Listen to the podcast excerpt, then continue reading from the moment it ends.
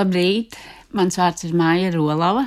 Es esmu Zentas Mauriņas piemiņas istabu vadītāja no Grobiņas. Un mans jautājums ir, vai zini, ka Zenta Mauriņa bija laba mūzikas pazinēja? Viņa raksta, mātes klavierēs klausoties, viss izgaisa putekļos, un mani paņēma savā varā vārdos netverama pasaule. Man jau bērnībā mūzika bija nepieciešama kā dienasčā maize, kā valoda, kas vieno debesis un zemi. Muzikālā atmosfēra mājās bija parasta lieta, jo Zentas māte rīkoja trijo kvartetu vakarus, grobiņnieki esot līpsnājuši un doktora kundzes muzikālos centienus saukuši par doktora kundzes muzikālajām orģijām. Te valdīja Beethovena kamera mūzika, Rihards Vāgners, īpaši iemīļots bija Rihards Strauss. Mājas balītēs, dzimšanas dienās māte pati spēlēja valšus un dančus, jo privāti mājās patafonu vēl nelietoja, un tas arī neliecināja par labu gaumi. Pusauģis gados Zenta mācījās klavieru spēli, un viņas privāts skolotājs bija ģimenes draugs Hans Holzhapfels, mūziķis, tā laika Liepājas simfoniskā orķestra diriģents. Viņš uzskatīja, ka dzīves piepildījums ir māksla, un iedvesa Zentai drosmi, ka gara pasaulē viņai visi vārti atvērti. Par viņu Zenta rakstīja: Tur, kur esam mēs ar tēvoci Hansu, vienmēr ir pirmā klase. Diriģentam, kurš pamazām bija kļuvis par mājas draugu, Zentas dzīvē bija liela ietekme. Viņš mācīja ne tikai mūziku, bet arī cieņu pret rakstīto vārdu. Cilvēkus Holshapfela kungs vērtēja pēc viņu izturēšanās pret grāmatu, uzskatīdams, ka tie, kuri lasot lauž grāmatu, spējīgi uz nodevību. Zentē Mauriņai bija kvēla, aizrautīga un jutekliska daba, un agrās jaunības maksimālismā viņas tā laika moto bija visu vai neko. Tādēļ mūzikas stundas uzņēma ar lielu aizrautību un atbildību.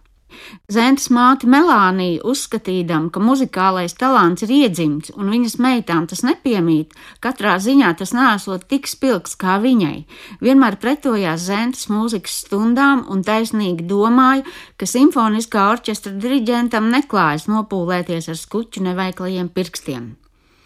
Kad Zenta savās mūzikas stundās bija nonākusi līdz Baha fūgām un Šopēna prelūdijām, viņa kādu dienu atskārta, kādēļ klavieru spēli apgūt profesionāli viņai neizdosies. Pie vainas bija atklāsme, ka spēlējot viņa nevarēs lietot klavieru pedāli, jo, lai lietotu pedāli, bija vajadzīgas kājas, par ko viņa rakstīja. Protams, pedālis ir muļķīgs metāla daigs, kas jāspiež ar kāju, bet tas saistīja toņus, to sāu daudumā. No tālākajām mūzikas stundām Zenta atteicās, jo gribēja spēlēt tā, kā jāspēlē, vai arī nemaz, ar šo lēmumu sarūktinot savu skolotāju. Viņš zināja, ka mūzikā ar varu nekas nav panākams, vecākiem paskaidrodams, ka Zenta ir pārpūlējusies un šī iemesla dēļ mūzikas stundas jāpārtrauc. Par mūzikas ietekmi uz cilvēkiem rakstniece apraksta gadījumu, ka Pirmā pasaules kara laikā ģimene bija spiesta doties bēgļu gaitās.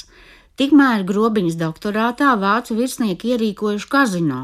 Atgriežoties doktoram Mauriņam ar sievu, piecām meitām un divām kalpotājām, no plašajām telpām piedāvāts apmesties mazā istabiņā.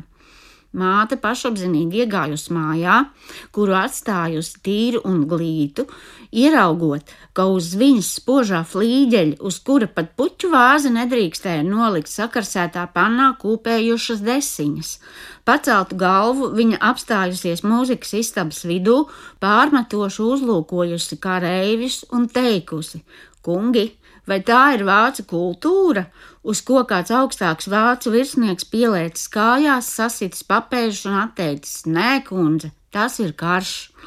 Mātei izdevies mūzikas istabu atkarot, un viņa atgriezusies pie klavierspēles. Dažas dienas vēlāk virsnieki izvākušies no doktorāta, un visas 11 istabas atkal bija ģimenes rīcībā. Zente ir izaugusi, par visu vairāk viņa vēlas doties uz Rīgu un studēt. Rīga viņai nozīmē brīvību un garīgu pilnību, bet tā zenta sagaida ar vilšanos. Šeit viņa iepazīst, kas ir šaurība, netīrība un pamestība, un viņa arī ilgojas pēc mūzikas. Viņai nenāktos grūti strādāt līdz vēlai naktī, lai nopirktu dārgo biļeti uz violnieku Hubermana koncertu, bet nauda vien neatrisina nokļūšanu koncertā. Vēlākajos gados Zentai ir iespēja savu mūzikas bādu remdināt. Viņa apmeklē operu, koncertus, dziesmu svētkus, ir draugos ar Lūciju Garūtu un Jāzepu Vītolu. Viņas mājās Kuldīgas ielā lepojas flīģelis, un kā grobiņas doktorātā viņas māte rīkoja koncertus, pēc tam arī viņa pati. Dzīvojot trimdā, kur dzīves realitāte un eksistence ir pavisam cita, mūzikas bats ir vēl reālāks. Dienas grāmatās trimbas traģika viņa raksta. Sarkanais krusts man aizdevis radio, mazu čarkstošu kasti. Izmisīgi meklēju kādu staciju, kura atskaņot Mocarta skaņdarbus, bet aparāta šņākoņa cerības saklausīt ko muzikālu padara neiespējamu. Vēlākajos gados Zēnas Mauriņas īpašumā nonāk firmas Siemens radioaparāts ar plašu atskaņotāju. Mans plašu atskaņotājs, mans Dāvids atkārto Adāģo, un ir tā, it kā debesis atvērtos. Nosaukums Dāvids ir no vecās derības psalmu dziesminieka. Un sevi viņa raksturo kā pušelnieku, kam daudz kā trūkst, bet ļoti lepojas ar piederošo skaņu plašu kolekciju. Uzticamais radioaparāts Dāvids pēc Zentas Mauriņas nāvs nokļuva viņas palīdzes Heideloras Heringas īpašumā, un Heideloras kundze bija nolēmusi, ka Dāvidam jāatgriežas Latvijā. Un tā īsi pirms pandēmijas sākuma kino vīru grupa, kuru uzņem filmu par rakstnieces dzīves biedru Konstantīnu Raudivi, pēc filmēšanas Vācijā atved radio uz grobiņu. Piemiņas istabās graznojas arī skaņu plašas kapītis, un krājumu papildina ar Turo Toskanīnī diriģētais Beethoven simfonija albums ar skaņu platēm, kurš bija reiz Zentes īpašumā. Un šeit viņi satiekas. Zenta Mauriņa ierunājusi skaņu platē stāstus par savu tēvu, doktorātu un bērnības dzīvi grobiņā, un Dāvids to atskaņo.